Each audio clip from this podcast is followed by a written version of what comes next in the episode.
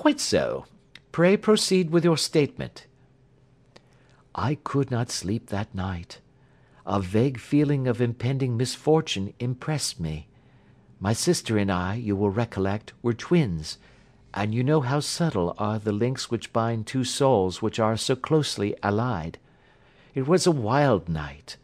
The wind was howling outside, and the rain was beating and splashing against the windows. Suddenly, amid all the hubbub of the gale, there burst forth the wild scream of a terrified woman. I knew that it was my sister's voice. I sprang from my bed, wrapped a shawl round me, and rushed into the corridor. As I opened my door I seemed to hear a low whistle, such as my sister described, and a few moments later a clanging sound, as if a mass of metal had fallen.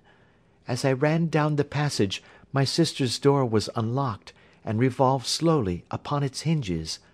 I stared at it horror stricken, not knowing what was about to issue from it.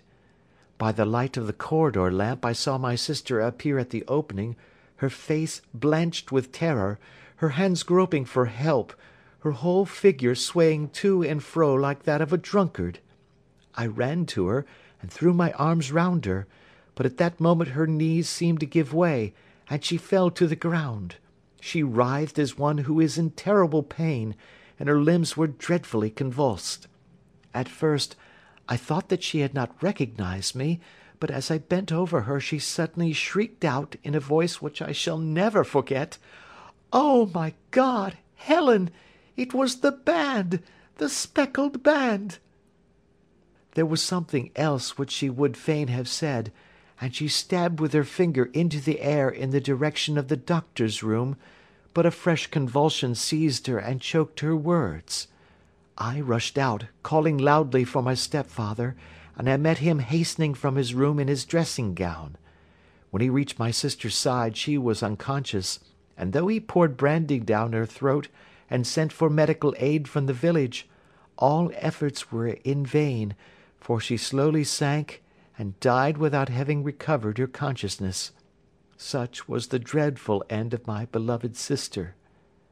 "One moment," said Holmes. "Are you sure about this whistle and metallic sound? Could you swear to it?" "That was what the County Coroner asked me at the inquiry. It is my strong impression that I heard it, and yet, among the crash of the gale and the creaking of an old house, I may possibly have been deceived." "Was your sister dressed?" "No, she was in her nightdress. In her right hand was found the charred stump of a match, and in her left a match box." "Showing that she had struck a light and looked about her when the alarm took place. That is important. And what conclusions did the coroner come to?"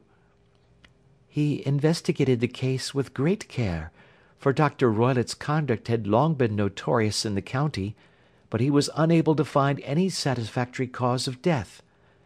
My evidence showed that the door had been fastened upon the inner side, and the windows were blocked by old fashioned shutters with broad iron bars which were secured every night.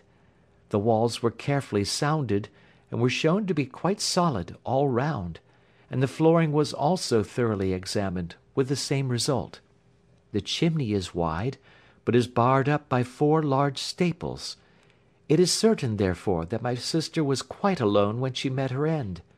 Besides, there were no marks of any violence upon her." "How about poison?" "The doctors examined her for it, but without success." "What do you think that this unfortunate lady died of, then?" "It is my belief that she died of pure fear and nervous shock though what it was that frightened her, I cannot imagine." "Were there gipsies in the plantation at the time?" "Yes, there were nearly always some there." "Ah! and what did you gather from this allusion to a band, a speckled band?" "Sometimes I have thought that it was merely the wild talk of delirium; sometimes that it may have referred to some band of people perhaps to these very gipsies in the plantation. I do not know whether the spotted handkerchiefs which so many of them wear over their heads might have suggested the strange adjective which he used." Holmes shook his head like a man who is far from being satisfied. "These are very deep waters," said he. "Pray go on with your narrative." Two years have passed since then, and my life has been until lately lonelier than ever. A month ago, however, a dear friend, whom I have known for many years, has done me the honour to ask my hand in marriage. His name is Armitage. Percy Armitage, the second son of Mr. Armitage of Crane Water, near Reading. My stepfather has offered no opposition to the match, and we are to be married in the course of the spring. Two days ago, some repairs were started in the west wing of the building, and my bedroom wall has been pierced, so that I have had to move into the chamber in which my sister died, and to sleep in the very bed in which she slept. Imagine, then, my thrill of terror when last night, as I lay awake, thinking over her terrible fate, I suddenly heard in the silence of the night the low whistle which had been the herald of her own death. I sprang up and lit the lamp, but nothing was to be seen in the room. I was too shaken to go to bed again, however, so I dressed, and as soon as it was daylight I slipped down, got a dog cart at the Crown Inn, which is opposite, and drove to Leatherhead, from whence I have come on this morning with the one object of seeing you, and asking your advice." "You have done wisely," said my friend. "But have you told me all?" "Yes, all." "Miss Roylott, you have not. You are screening your stepfather." "Why, what do you mean?" For answer Holmes pushed back the frill of black lace which fringed the hand that lay upon our visitor's knee. Five little livid spots, the marks of four fingers and a thumb, were printed upon the white wrist. "You have been cruelly used," said Holmes. The lady coloured deeply, and covered over her injured wrist. "He is a hard man," she said, "and perhaps he hardly knows his own strength." There was a long silence, during which Holmes leaned his chin upon his hands and stared into the crackling fire. "This is a very deep business," he said at last. "There are a thousand details which I should desire to know before I decide upon our course of action. Yet we have not a moment to lose. If we were to come to Stoke Moran to day, would it be possible for us to see over these rooms without the knowledge of your stepfather?" "As it happens. He spoke of coming into town to day upon some most important business. It is probable that he will be away all day, and that there will be nothing to disturb you. We have a housekeeper now, but she is old and foolish, and I could easily get her out of the way." "Excellent. You are not averse to this trip, Watson?" "By no means." "Then we shall both come. What are you going to do yourself?" I have one or two things which I would wish to do now that I am in town, but I shall return by the twelve o'clock train, so as to be there in time for your coming." "And you may expect us early in the afternoon. I have myself some small business matters to attend to. Will you not wait and breakfast?" "No, I must go. My heart is lightened already since I have confided my trouble to you. I shall look forward to seeing you again, this afternoon." She dropped her thick black veil over her face and glided from the room. "And what do you think of it all, Watson?" asked Sherlock Holmes, leaning back in his chair. "It seems to me to be a most dark and sinister business." "Dark enough, and sinister enough." "Yet if the lady is correct in saying that the flooring and walls are sound and that the door, window, and chimney are impassable, then her sister must have been undoubtedly alone when she met her mysterious end."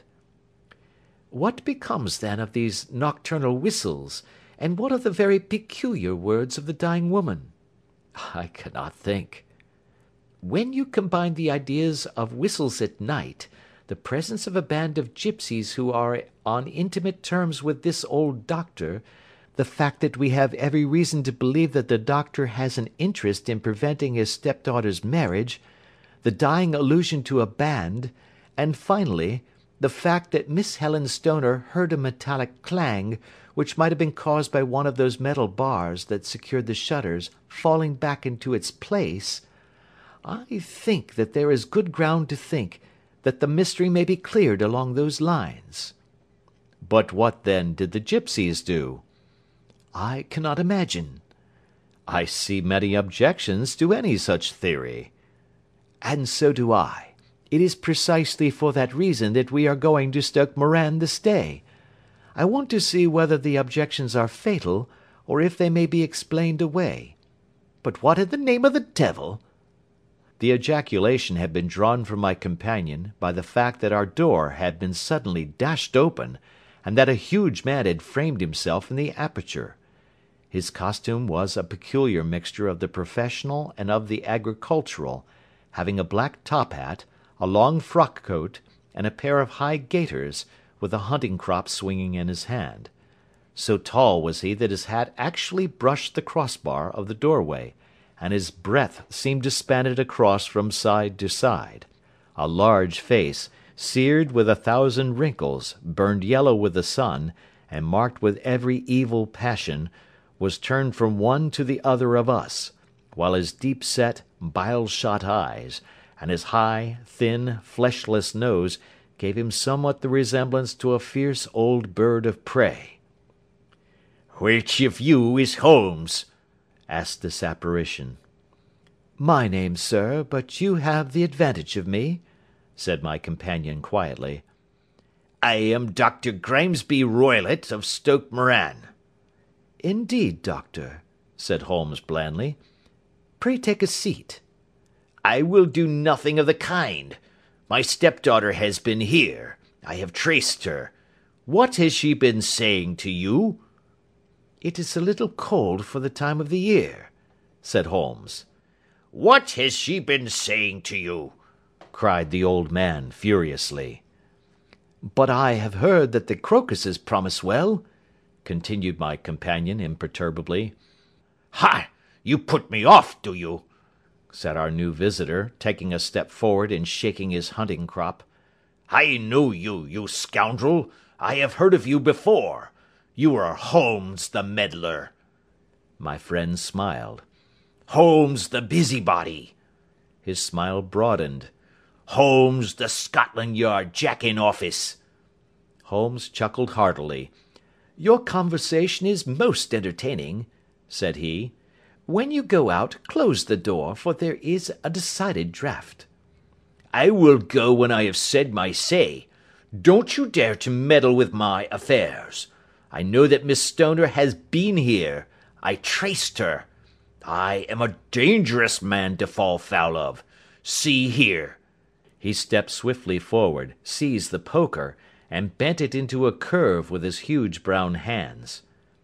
"See that you keep yourself out of my grip," he snarled, and hurling the twisted poker into the fireplace, he strode out of the room. "He seems a very amiable person said Holmes, laughing. "Ha! ha! I am not quite so bulky, but if he had remained I might have shown him that my grip was not much more feeble than his own." As he spoke he picked up the steel poker and, with a sudden effort, straightened it out again. "Fancy his having the insolence to confound me with the official detective force! This incident gives zest to our investigation, however and I only trust that our little friend will not suffer from her imprudence in allowing this brute to trace her. And now, Watson, we shall order breakfast, and afterwards I shall walk down to Doctors' Commons, where I hope to get some data which may help us in this matter.